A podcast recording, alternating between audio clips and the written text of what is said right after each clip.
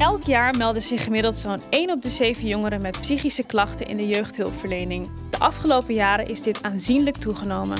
In deze podcast ga ik, Malet Musfen, psycholoog, in gesprek met collega's en andere zorgprofessionals. We nemen jou mee in onze gesprekken over de verschillende facetten binnen de jeugd- en gezinshulpverlening. We gaan het hebben over hoe de levensloop van een ouder invloed kan hebben op dat van een kind, hoe dat zich kan uiten en waarom het maken van verbinding belangrijk is voor de relatie tussen hulpverlener, jongeren en ouders. Welkom bij de podcast Generatie Veerkracht, waarin wij de luisteraar graag meenemen in een breder perspectief op jeugd- en gezinshulp.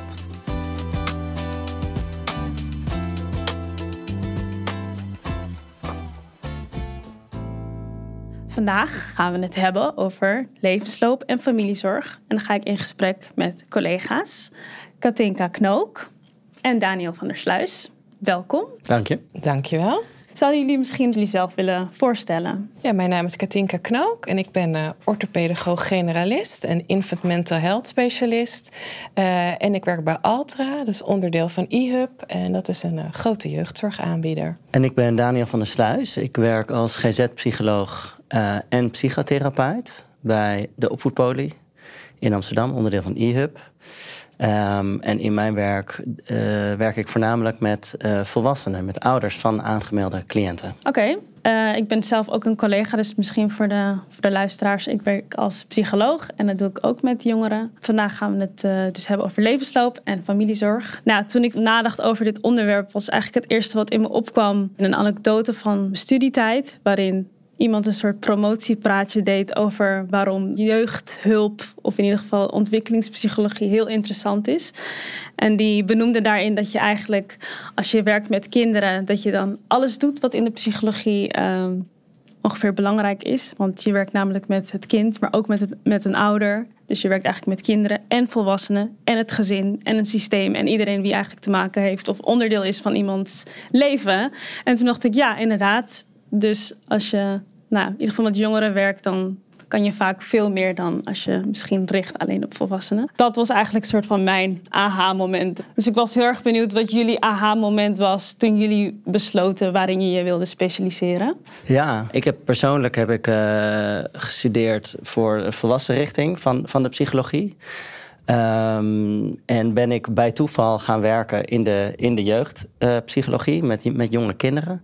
Uh, en ik heb, uh, ik heb de eerste tien jaar of zo ben ik altijd bezig geweest met precies die vraag: van hoe, hoe, hoe, hoe, hoe is dat verbonden met elkaar? Want in de, in de, in de volwassenenpsychologie leer je heel veel over allerlei klachten die mensen kunnen hebben, stoornissen noemen we dat dan. En in de jeugd spelen er hele andere dingen. Maar hoe, hoe zijn er andere stoornissen of andere dingen waar kinderen last van hebben? Maar hoe hangt het nou allemaal met elkaar samen? Uh, dat, dat is voor mijzelf een grote uh, passie geweest om dat te ontdekken. En toen ik in de jeugdzorg uh, en de, in de jeugd GGZ ging werken, merkte ik dat nou ja, in ieder geval tot, tot nu toe veelal behandeling en, en begeleiding wordt gericht op het kind. Terwijl er zo ontzettend veel invloed van de ouders ook uitgaat op het kind. Um, en uh, nou, dat is een van de dingen die, die, die we hier uh, aan het ontwikkelen zijn en waar ja. we flink wat in hebben gedaan. Dus ja. voor mij komt dat weer helemaal alles bij elkaar. Ja, precies. Ondanks dat je misschien bij volwassenen bent begonnen, ja. dat je uiteindelijk, ja, mooi. Hoe was dat voor jou? Herken je misschien in dit verhaal? Ja, ik herken er een deel zeker. En ik ben zelf ooit begonnen als groepswerker, echt in een grijs verleden. En daar was het veel meer gericht op uh, opvoedondersteuning en op uh, nou ja, gedrag een beetje binnen de perken houden van kinderen. En dan heel snel dacht ik van ja, dit is eigenlijk een veel complexere en interessantere puzzel dan waar we ons hier nu op richten, met de kennis van toen uiteraard. En ik ben eigenlijk met die reden verder gaan studeren, eh, omdat ik het gewoon zo ontzettend mooi en belangrijk vind om te begrijpen van ja, wat zien we nou in gedrag van kinderen? En kinderen groeien altijd op in de relatie en in de context van hun ouders, hun gezin en hun omgeving. En al die factoren die hebben invloed. Dus de puzzel is veel complexer dan, uh, ja, dan dat we vaak denken. En ik vind het eigenlijk heel mooi en uh, ook heel leuk, Daniel, dat we hier nu zo samen zitten. Omdat juist het werken met kinderen, en ik werk zelf vooral met hele jonge kinderen en hun ouders en gezinnen waarin ze opgroeien. Maar zij hebben natuurlijk ouders. En die ouders die hebben ook weer een hele rugzak vol met ingewikkelde ervaringen. En je kan dat niet loskoppelen. Het hoort bij elkaar. En ja, we hebben allemaal ons eigen specialisme. Maar ik denk onze ambitie om die werelden samen te brengen, die delen we volgens mij heel erg. En uh, ja, ik denk dat we daarmee de puzzel completer maken en betere zorg kunnen bieden in hele complexe opvoed- en ontwikkelsituaties en complexe vraagstukken waar volwassenen als ouder ook voor staan. Dus, uh... Ja, jullie hebben eigenlijk kort al een beetje verteld met welke doelgroep jullie werken. Maar kan je misschien iets vertellen over hoe een dag er voor jou uitziet, wat jij doet? Een dag voor, voor mij nu uh, ziet eruit dat ik uh, eigenlijk de hele dag door min of meer volwassenen, dus ouders van aangemelde kinderen hier zie. Ja. Uh, en spreek en, en, therapie met ze doe. Ja. En, uh, Want hoe gaat dat? Want dit is natuurlijk een instelling of in ieder geval een organisatie gericht op het kind ja. of jongeren. Ja. Hoe komen ouders dan? Hoe, hoe krijg je te maken met ouders? Met ouders, ja. Nou, je krijgt natuurlijk altijd te maken met ouders vanaf het begin. Bij de, bij de, bij de start uh, zijn ouders betrokken. moet ook. ouders zijn verantwoordelijk, hebben een gevoel van verantwoordelijk zijn. Dus ze komen, ze komen altijd mee. Maar ik denk dat je zou kunnen zeggen dat klassiek gezien wat meer uh, eerst werd gekeken naar het kind en wat, wat er mis is met het kind of wat er gaande is bij het kind. En dat er uh, ook wel opvoedondersteuning wordt geboden. Dus uh, kijken ja, wat voor opvoedvaardigheden de ouders nog zouden kunnen leren. Maar wat nou als de ouders om welke reden dan ook die vaardigheden niet kunnen uitvoeren? Omdat ze last hebben van, van trauma's of van angsten of van andere dingen. Dan is dat een essentieel onderdeel van die puzzel die tot ja, die eigenlijk nog niet zo op, uh, op weinig plekken nog ook wordt, wordt meegenomen. Vaak worden ouders dan verwezen ja. voor eigen zorg elders. Maar wij uh, geloven er eigenlijk heel erg in dat je het. Uh, dat je het ja, in een totaalpakket moet kunnen aanbieden. Omdat ouders vaak niet aankomen. Omdat, er, omdat je momentum hebt. En dat verliest op het moment dat iemand, uh, laten we zeggen, op een wachtlijst moet staan. Uh, of uh, niet goed kan uitleggen waarom die ook voor zichzelf in behandeling moet. Dus, um, en vooral omdat je het ook samen wil doen, toch? Ja, ja. ja. en vanuit het ouderschap. Dus Ja. vanuit het, de wens, zeg maar, om een betere ouder te zijn. Wat het maar ook maar mag betekenen. Um, komen, gaan mensen ga, ook, eh, is mijn ervaring, graag voor zichzelf wat in behandeling. En dan krijg je echt een 1 plus 1 is 3 effect. En daar zit denk ik heel veel motivatie in. Hè? Want ik denk in de setting waar jij werkt, maar ook in de setting waar ik werk, er zijn natuurlijk heel veel ouders zijn eigenlijk altijd gemotiveerd om het ouderschap beter vorm te geven. En daar zit gewoon heel veel motivatie in. Uh, ja, aanknopingspunten om mensen ook hulp voor zichzelf te laten krijgen. Terwijl als je ze dat zo direct zou vragen: van heb jij niet hulp voor jezelf nodig, dan komen ze meestal niet aan.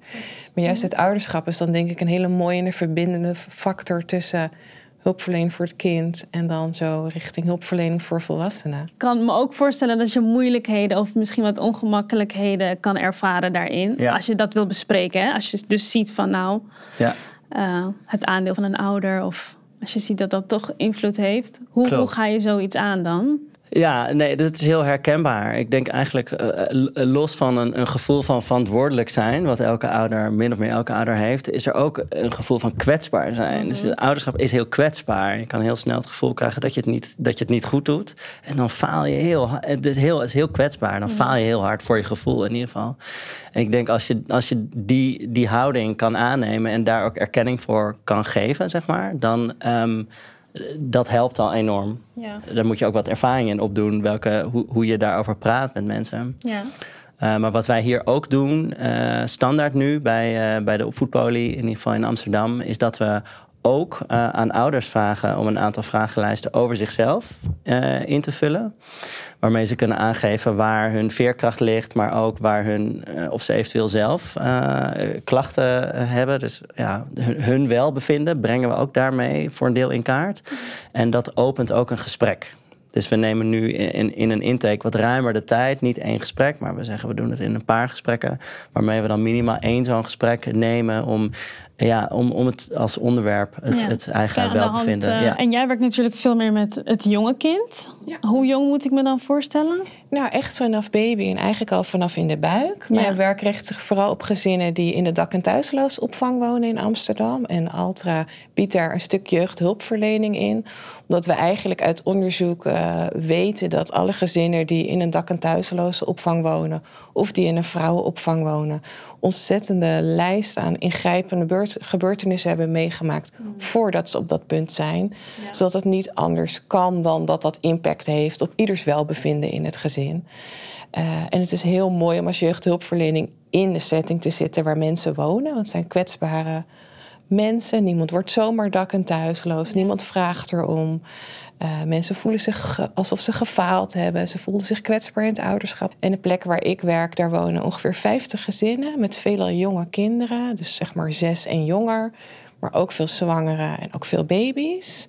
Eh, en er is ook een afdeling waar eh, vooral vrouwen wonen die slachtoffer zijn van mensenhandel of mensensmokkel. Die dus ook nog een andere kwetsbaarheid met zich meebrengen. Eh, met bestaansonzekerheid. En die wel vaak ook een kind hebben of zwanger zijn. En dan gaan we met elkaar kijken van ja, wat is er nodig? Hoe kunnen we stabiliteit aanbrengen, überhaupt in het wonen en in het leven? Samen met de collega's van de opvang. En dat gaat natuurlijk over huisvesting, financiën, kleding, spullen enzovoort. Eh, en wij ervaren heel erg inderdaad dat de houding en de attitude die je aanneemt als hulpverlener, dat je laat zien: ik veroordeel jou niet, ik beoordeel je niet, ik vind je niet slecht, maar ik sta naast je ik waardeer jou als mens. Hè, en we gaan samen hand in hand gaan we gewoon kijken van wat kunnen we wel doen. Eh, en je mensen ook succeservaringen op kunt laten doen in het contact met een hulpverlener. Want er zijn toch veel al ook wel moeilijkere ervaringen met hulpverleners, moet ik helaas zeggen. Eh, maar als je laat zien van ja, jij bent belangrijk voor mij. En uh, als je één keer niet opneemt of als je één keer niet thuis bent, dan neem ik je dat niet kwalijk. Maar ik begrijp dat. Want de complexiteit van het dagelijks leven ja, kan soms overweldigend zijn. Voor, in ieder geval voor deze doelgroep, maar misschien ook wel voor jouw doelgroep, Daniel.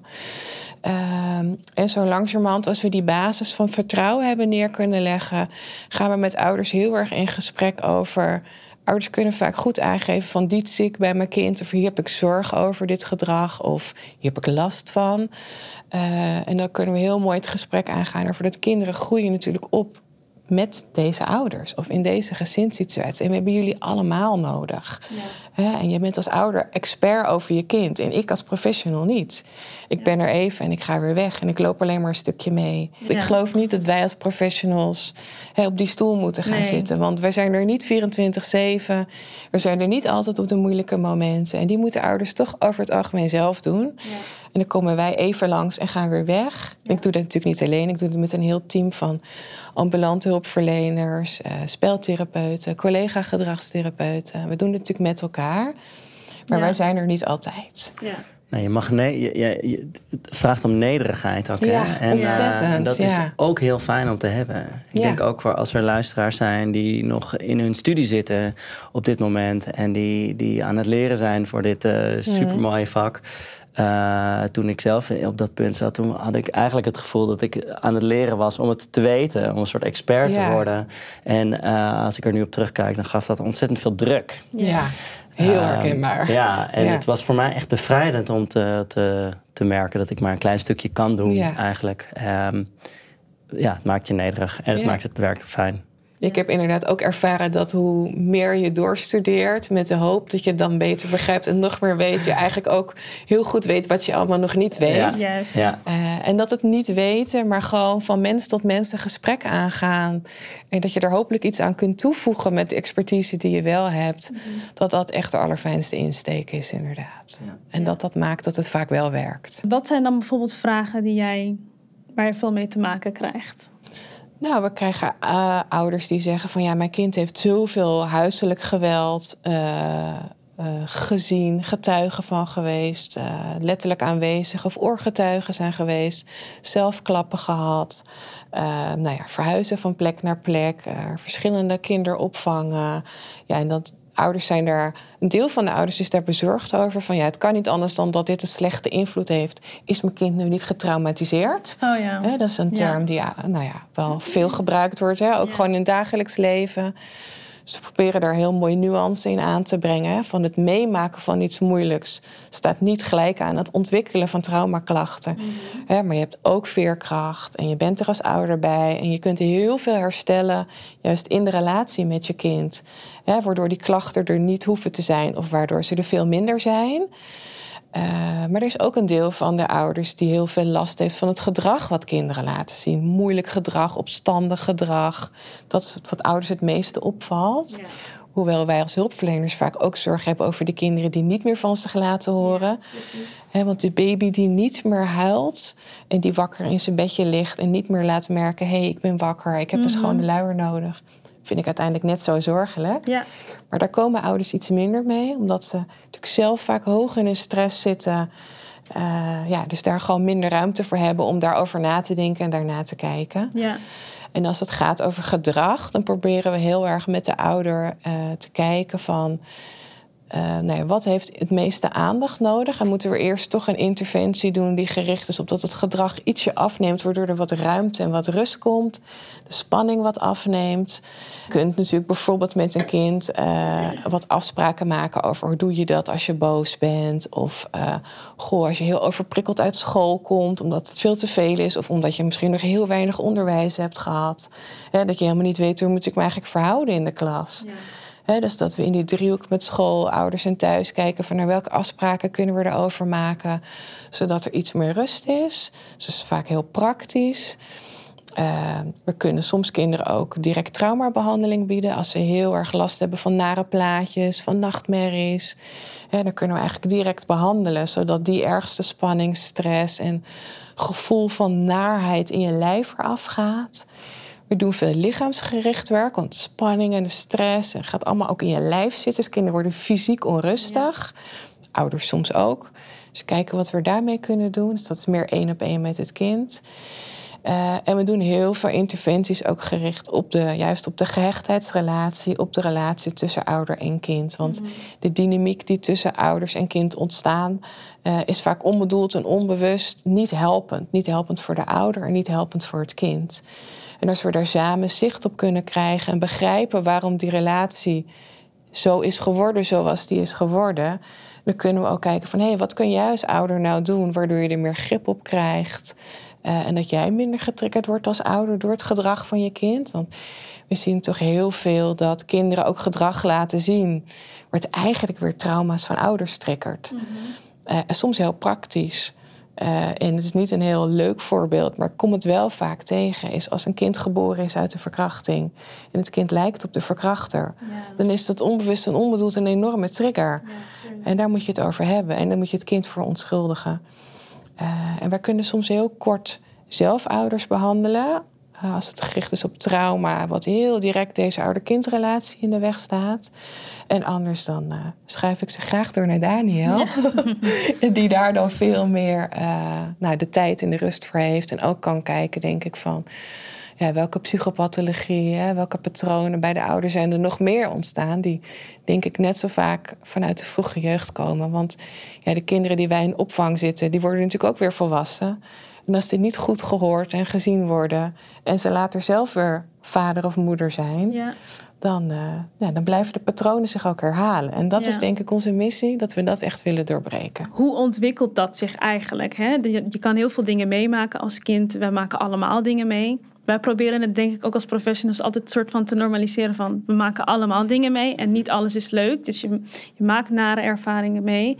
Maar wanneer is het een trauma? Dat is echt een belangrijk verschil om altijd, denk ik, te benadrukken. Maar ja, kunnen jullie misschien uitleggen hoe dat dan werkt? Hè? Wanneer wordt iets wel een trauma, mhm. bijvoorbeeld? Mhm. Wanneer ga je er nog last van krijgen? Of waarin kan dat zich soort van je hele leven eigenlijk iets zijn wat je bij je draagt? Ja, wanneer spreek je van trauma? Nou, wij, wij spreken eigenlijk van trauma als je er echt, uh, laat maar zeggen, klachten van hebt. Mm posttraumatische stressstoornis, uh, een beetje een officiële term, als je herbelevingen hebt, flashbacks krijgt van de dingen die je hebt meegemaakt, die je terugziet. Waar je heel erg van schrikt, waar je van gaat zweten en waar je van gaat um, hartkloppingen van gaat krijgen. En waardoor je stilvalt of waardoor je wil wegwezen of waardoor je juist uh, iemand uh, te lijf gaat bij wijze van spreken. En veel daarvan kan bij kinderen spelen. En dat wordt niet zelden wordt dat verkeerd gelezen door, door, door opvoeders of door, door leerkrachten, zeg maar. En wordt dat gezien als brutaal of niet willen meewerken. Mm.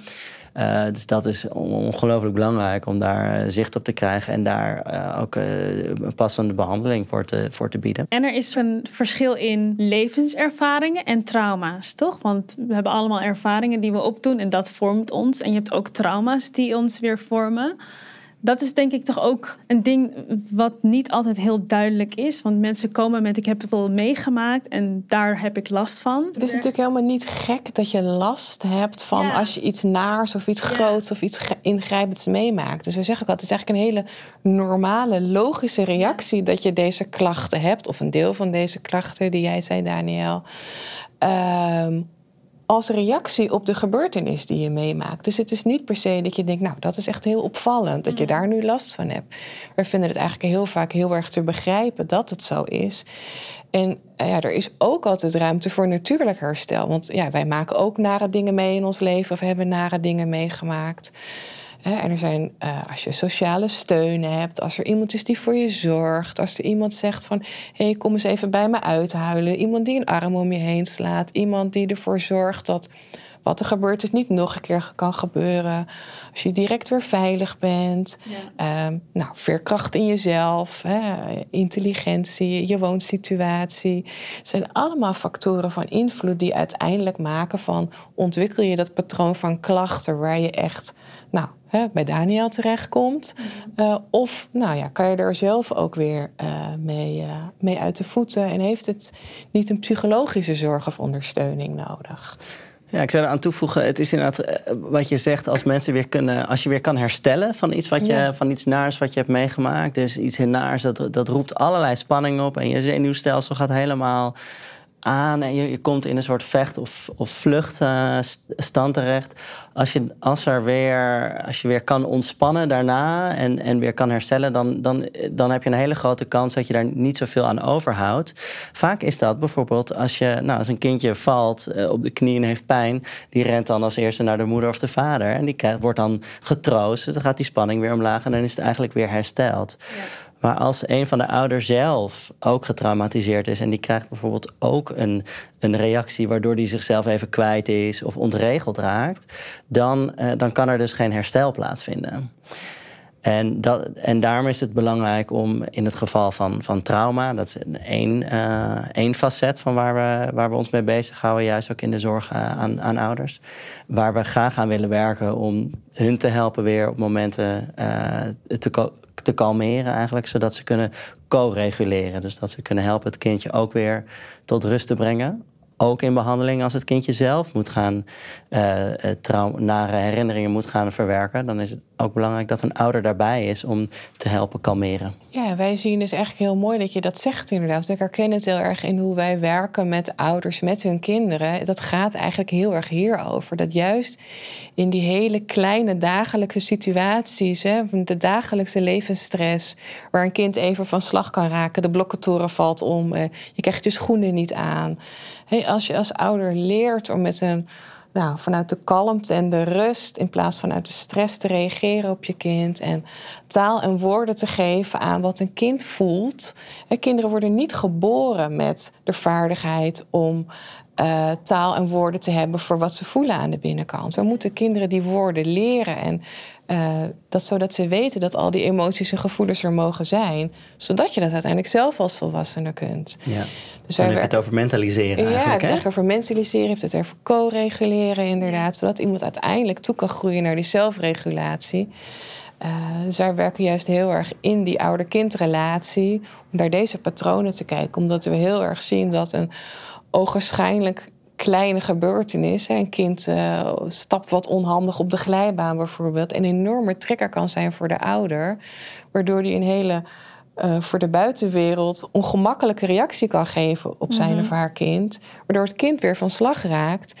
En dat past eigenlijk niet meer bij de gebeurtenis van, oh ja, er was iets met een glijbaan. Ja. En dan zie je heel erg dat het dus eigenlijk gaat over die gebeurtenissen die iemand eerder heeft meegemaakt. En daar Ja. Op een bepaalde manier mee heeft leren omgaan. Een bepaalde copingstijl Ja. voor heeft ontwikkeld. Ja. En we willen niet dat kinderen diezelfde copingstijl gaan leren. Hè, maar dat zij juist leren van... hé, er zijn wel volwassenen die mij begrijpen... die mij kunnen reguleren. De wereld is te vertrouwen en het is oké. Hoe, ga, hoe ziet het er dan uit? Een kind dat niet getroost is, hè? even gechargeerd. Maar stel, je bent als kind niet getroost. Hoe ontwikkelt zich dat tot, nou ja, misschien een ouder die dus uiteindelijk bij jou komt? Vaak eh, als een, als een kind niet ge- getroost wordt, even, even platgeslagen, dan, eh, dan leert het kind dus eigenlijk, eh, krijgt dan de boodschap: ik moet mezelf troosten. Ik sta er zelf voor. En dat, als dat heel vaak gebeurt, ik bedoel, dat gebeurt natuurlijk altijd wel een keer of Ja. een paar keer. eh, maar als dat heel vaak gebeurt en het echt een patroon is, dan, eh, dan, kan, het, dan kan het kind, zeg maar, psychologisch gezien eh, een gevoel of een ontwikkelen van ik sta er, ik sta er alleen voor, voor om mezelf eh, te, te troosten. Zeg maar. Met in vakjargon zou je dat bijvoorbeeld een vermijdende hechtingsstijl kunnen noemen. Waarbij het kind voelt, ik kan niet rekenen daarop dat de volwassenen mij daarbij helpen. En dat zie je later terug in het leven. Dat wordt een soort van stijl die, die doorwerkt in, eh, eh, in- interpersoonlijk. Dus op allerlei verschillende manieren als het kind een volwassen man of vrouw wordt tussen hem en haar en andere mensen. Dat, je, dat hij ervan uitgaat, ik heb jouw hulp niet nodig, ik kan het zelf wel. Ehm, en ja, dat kan, of, dat kan van alles en nog wat eh, verder or- organiseren. Ja. Want we hebben nou eenmaal hulp nodig. Want we zijn hulpeloze eh, wezens die heel erg eh, Ja. eh, moeten rekenen op de samenwerking met anderen. We zijn sociale dieren. Ja. Dus het is aan zich geen probleem dat je wat meer dat je, dat je op Nee, jezelf weet. ja. maar goed, met deze maatschappij en, is, het, is het wel no- noodzakelijk. Ja, en ik kan me ook voorstellen, dus als dat kind dan een ouder wordt uiteindelijk, dat hij zelf kinderen gaat krijgen. Nou, soms kan het, zien we ook weer dat ouders dan zich gaan realiseren wat ze hebben gemist. Dat is eigenlijk een mooie ontwikkeling. Maar Mhm. Ja. soms zie je dus dat dat weer zich gaat herhalen. Exact. Nou, wat zie je dan bijvoorbeeld bij zo'n ouder?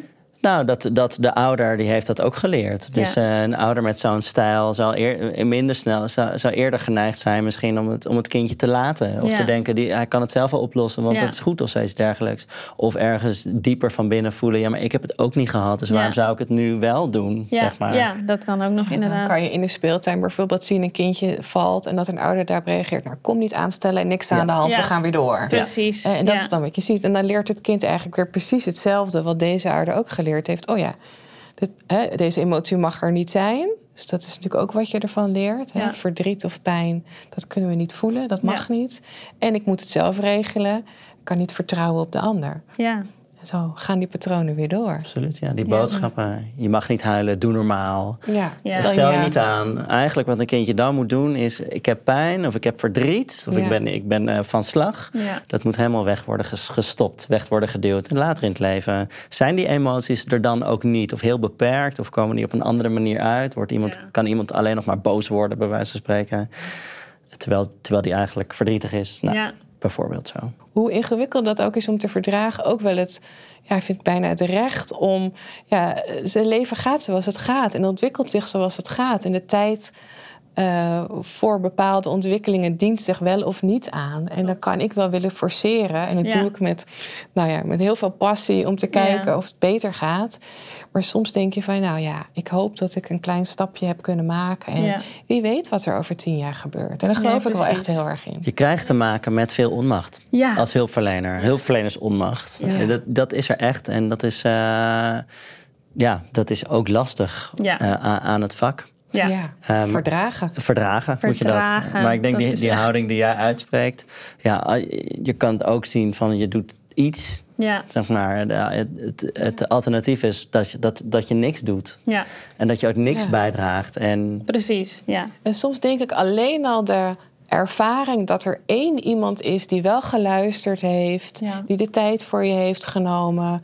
Die heeft uitgestraald, je bent te begrijpen. Mhm. En dan is er nog helemaal niks opgelost, maar dan heb je toch een soort van basis neergelegd. Klopt. Ja, of ik doe mijn best. Ja. Eigenlijk is dat in de, in de, in de hele, ehm, zeg maar, in de, de psychologische ontwikkeling van een kind, Mhm. is dat misschien een van de belangrijkste factoren. Ja. Jonge ouders hebben het vaak mis. Dus die, eh, volgens mij, ik geloof dat ik een keer heb gelezen uit onderzoek blijkt dat ze 70% Ja. van de signalen van hun kindje in eerste instantie verkeerd lezen. Ze Ja. denken, die heeft honger, maar die, moet, eh, die heeft Oh, een vieze luier of zoiets Ja, ja. dergelijks.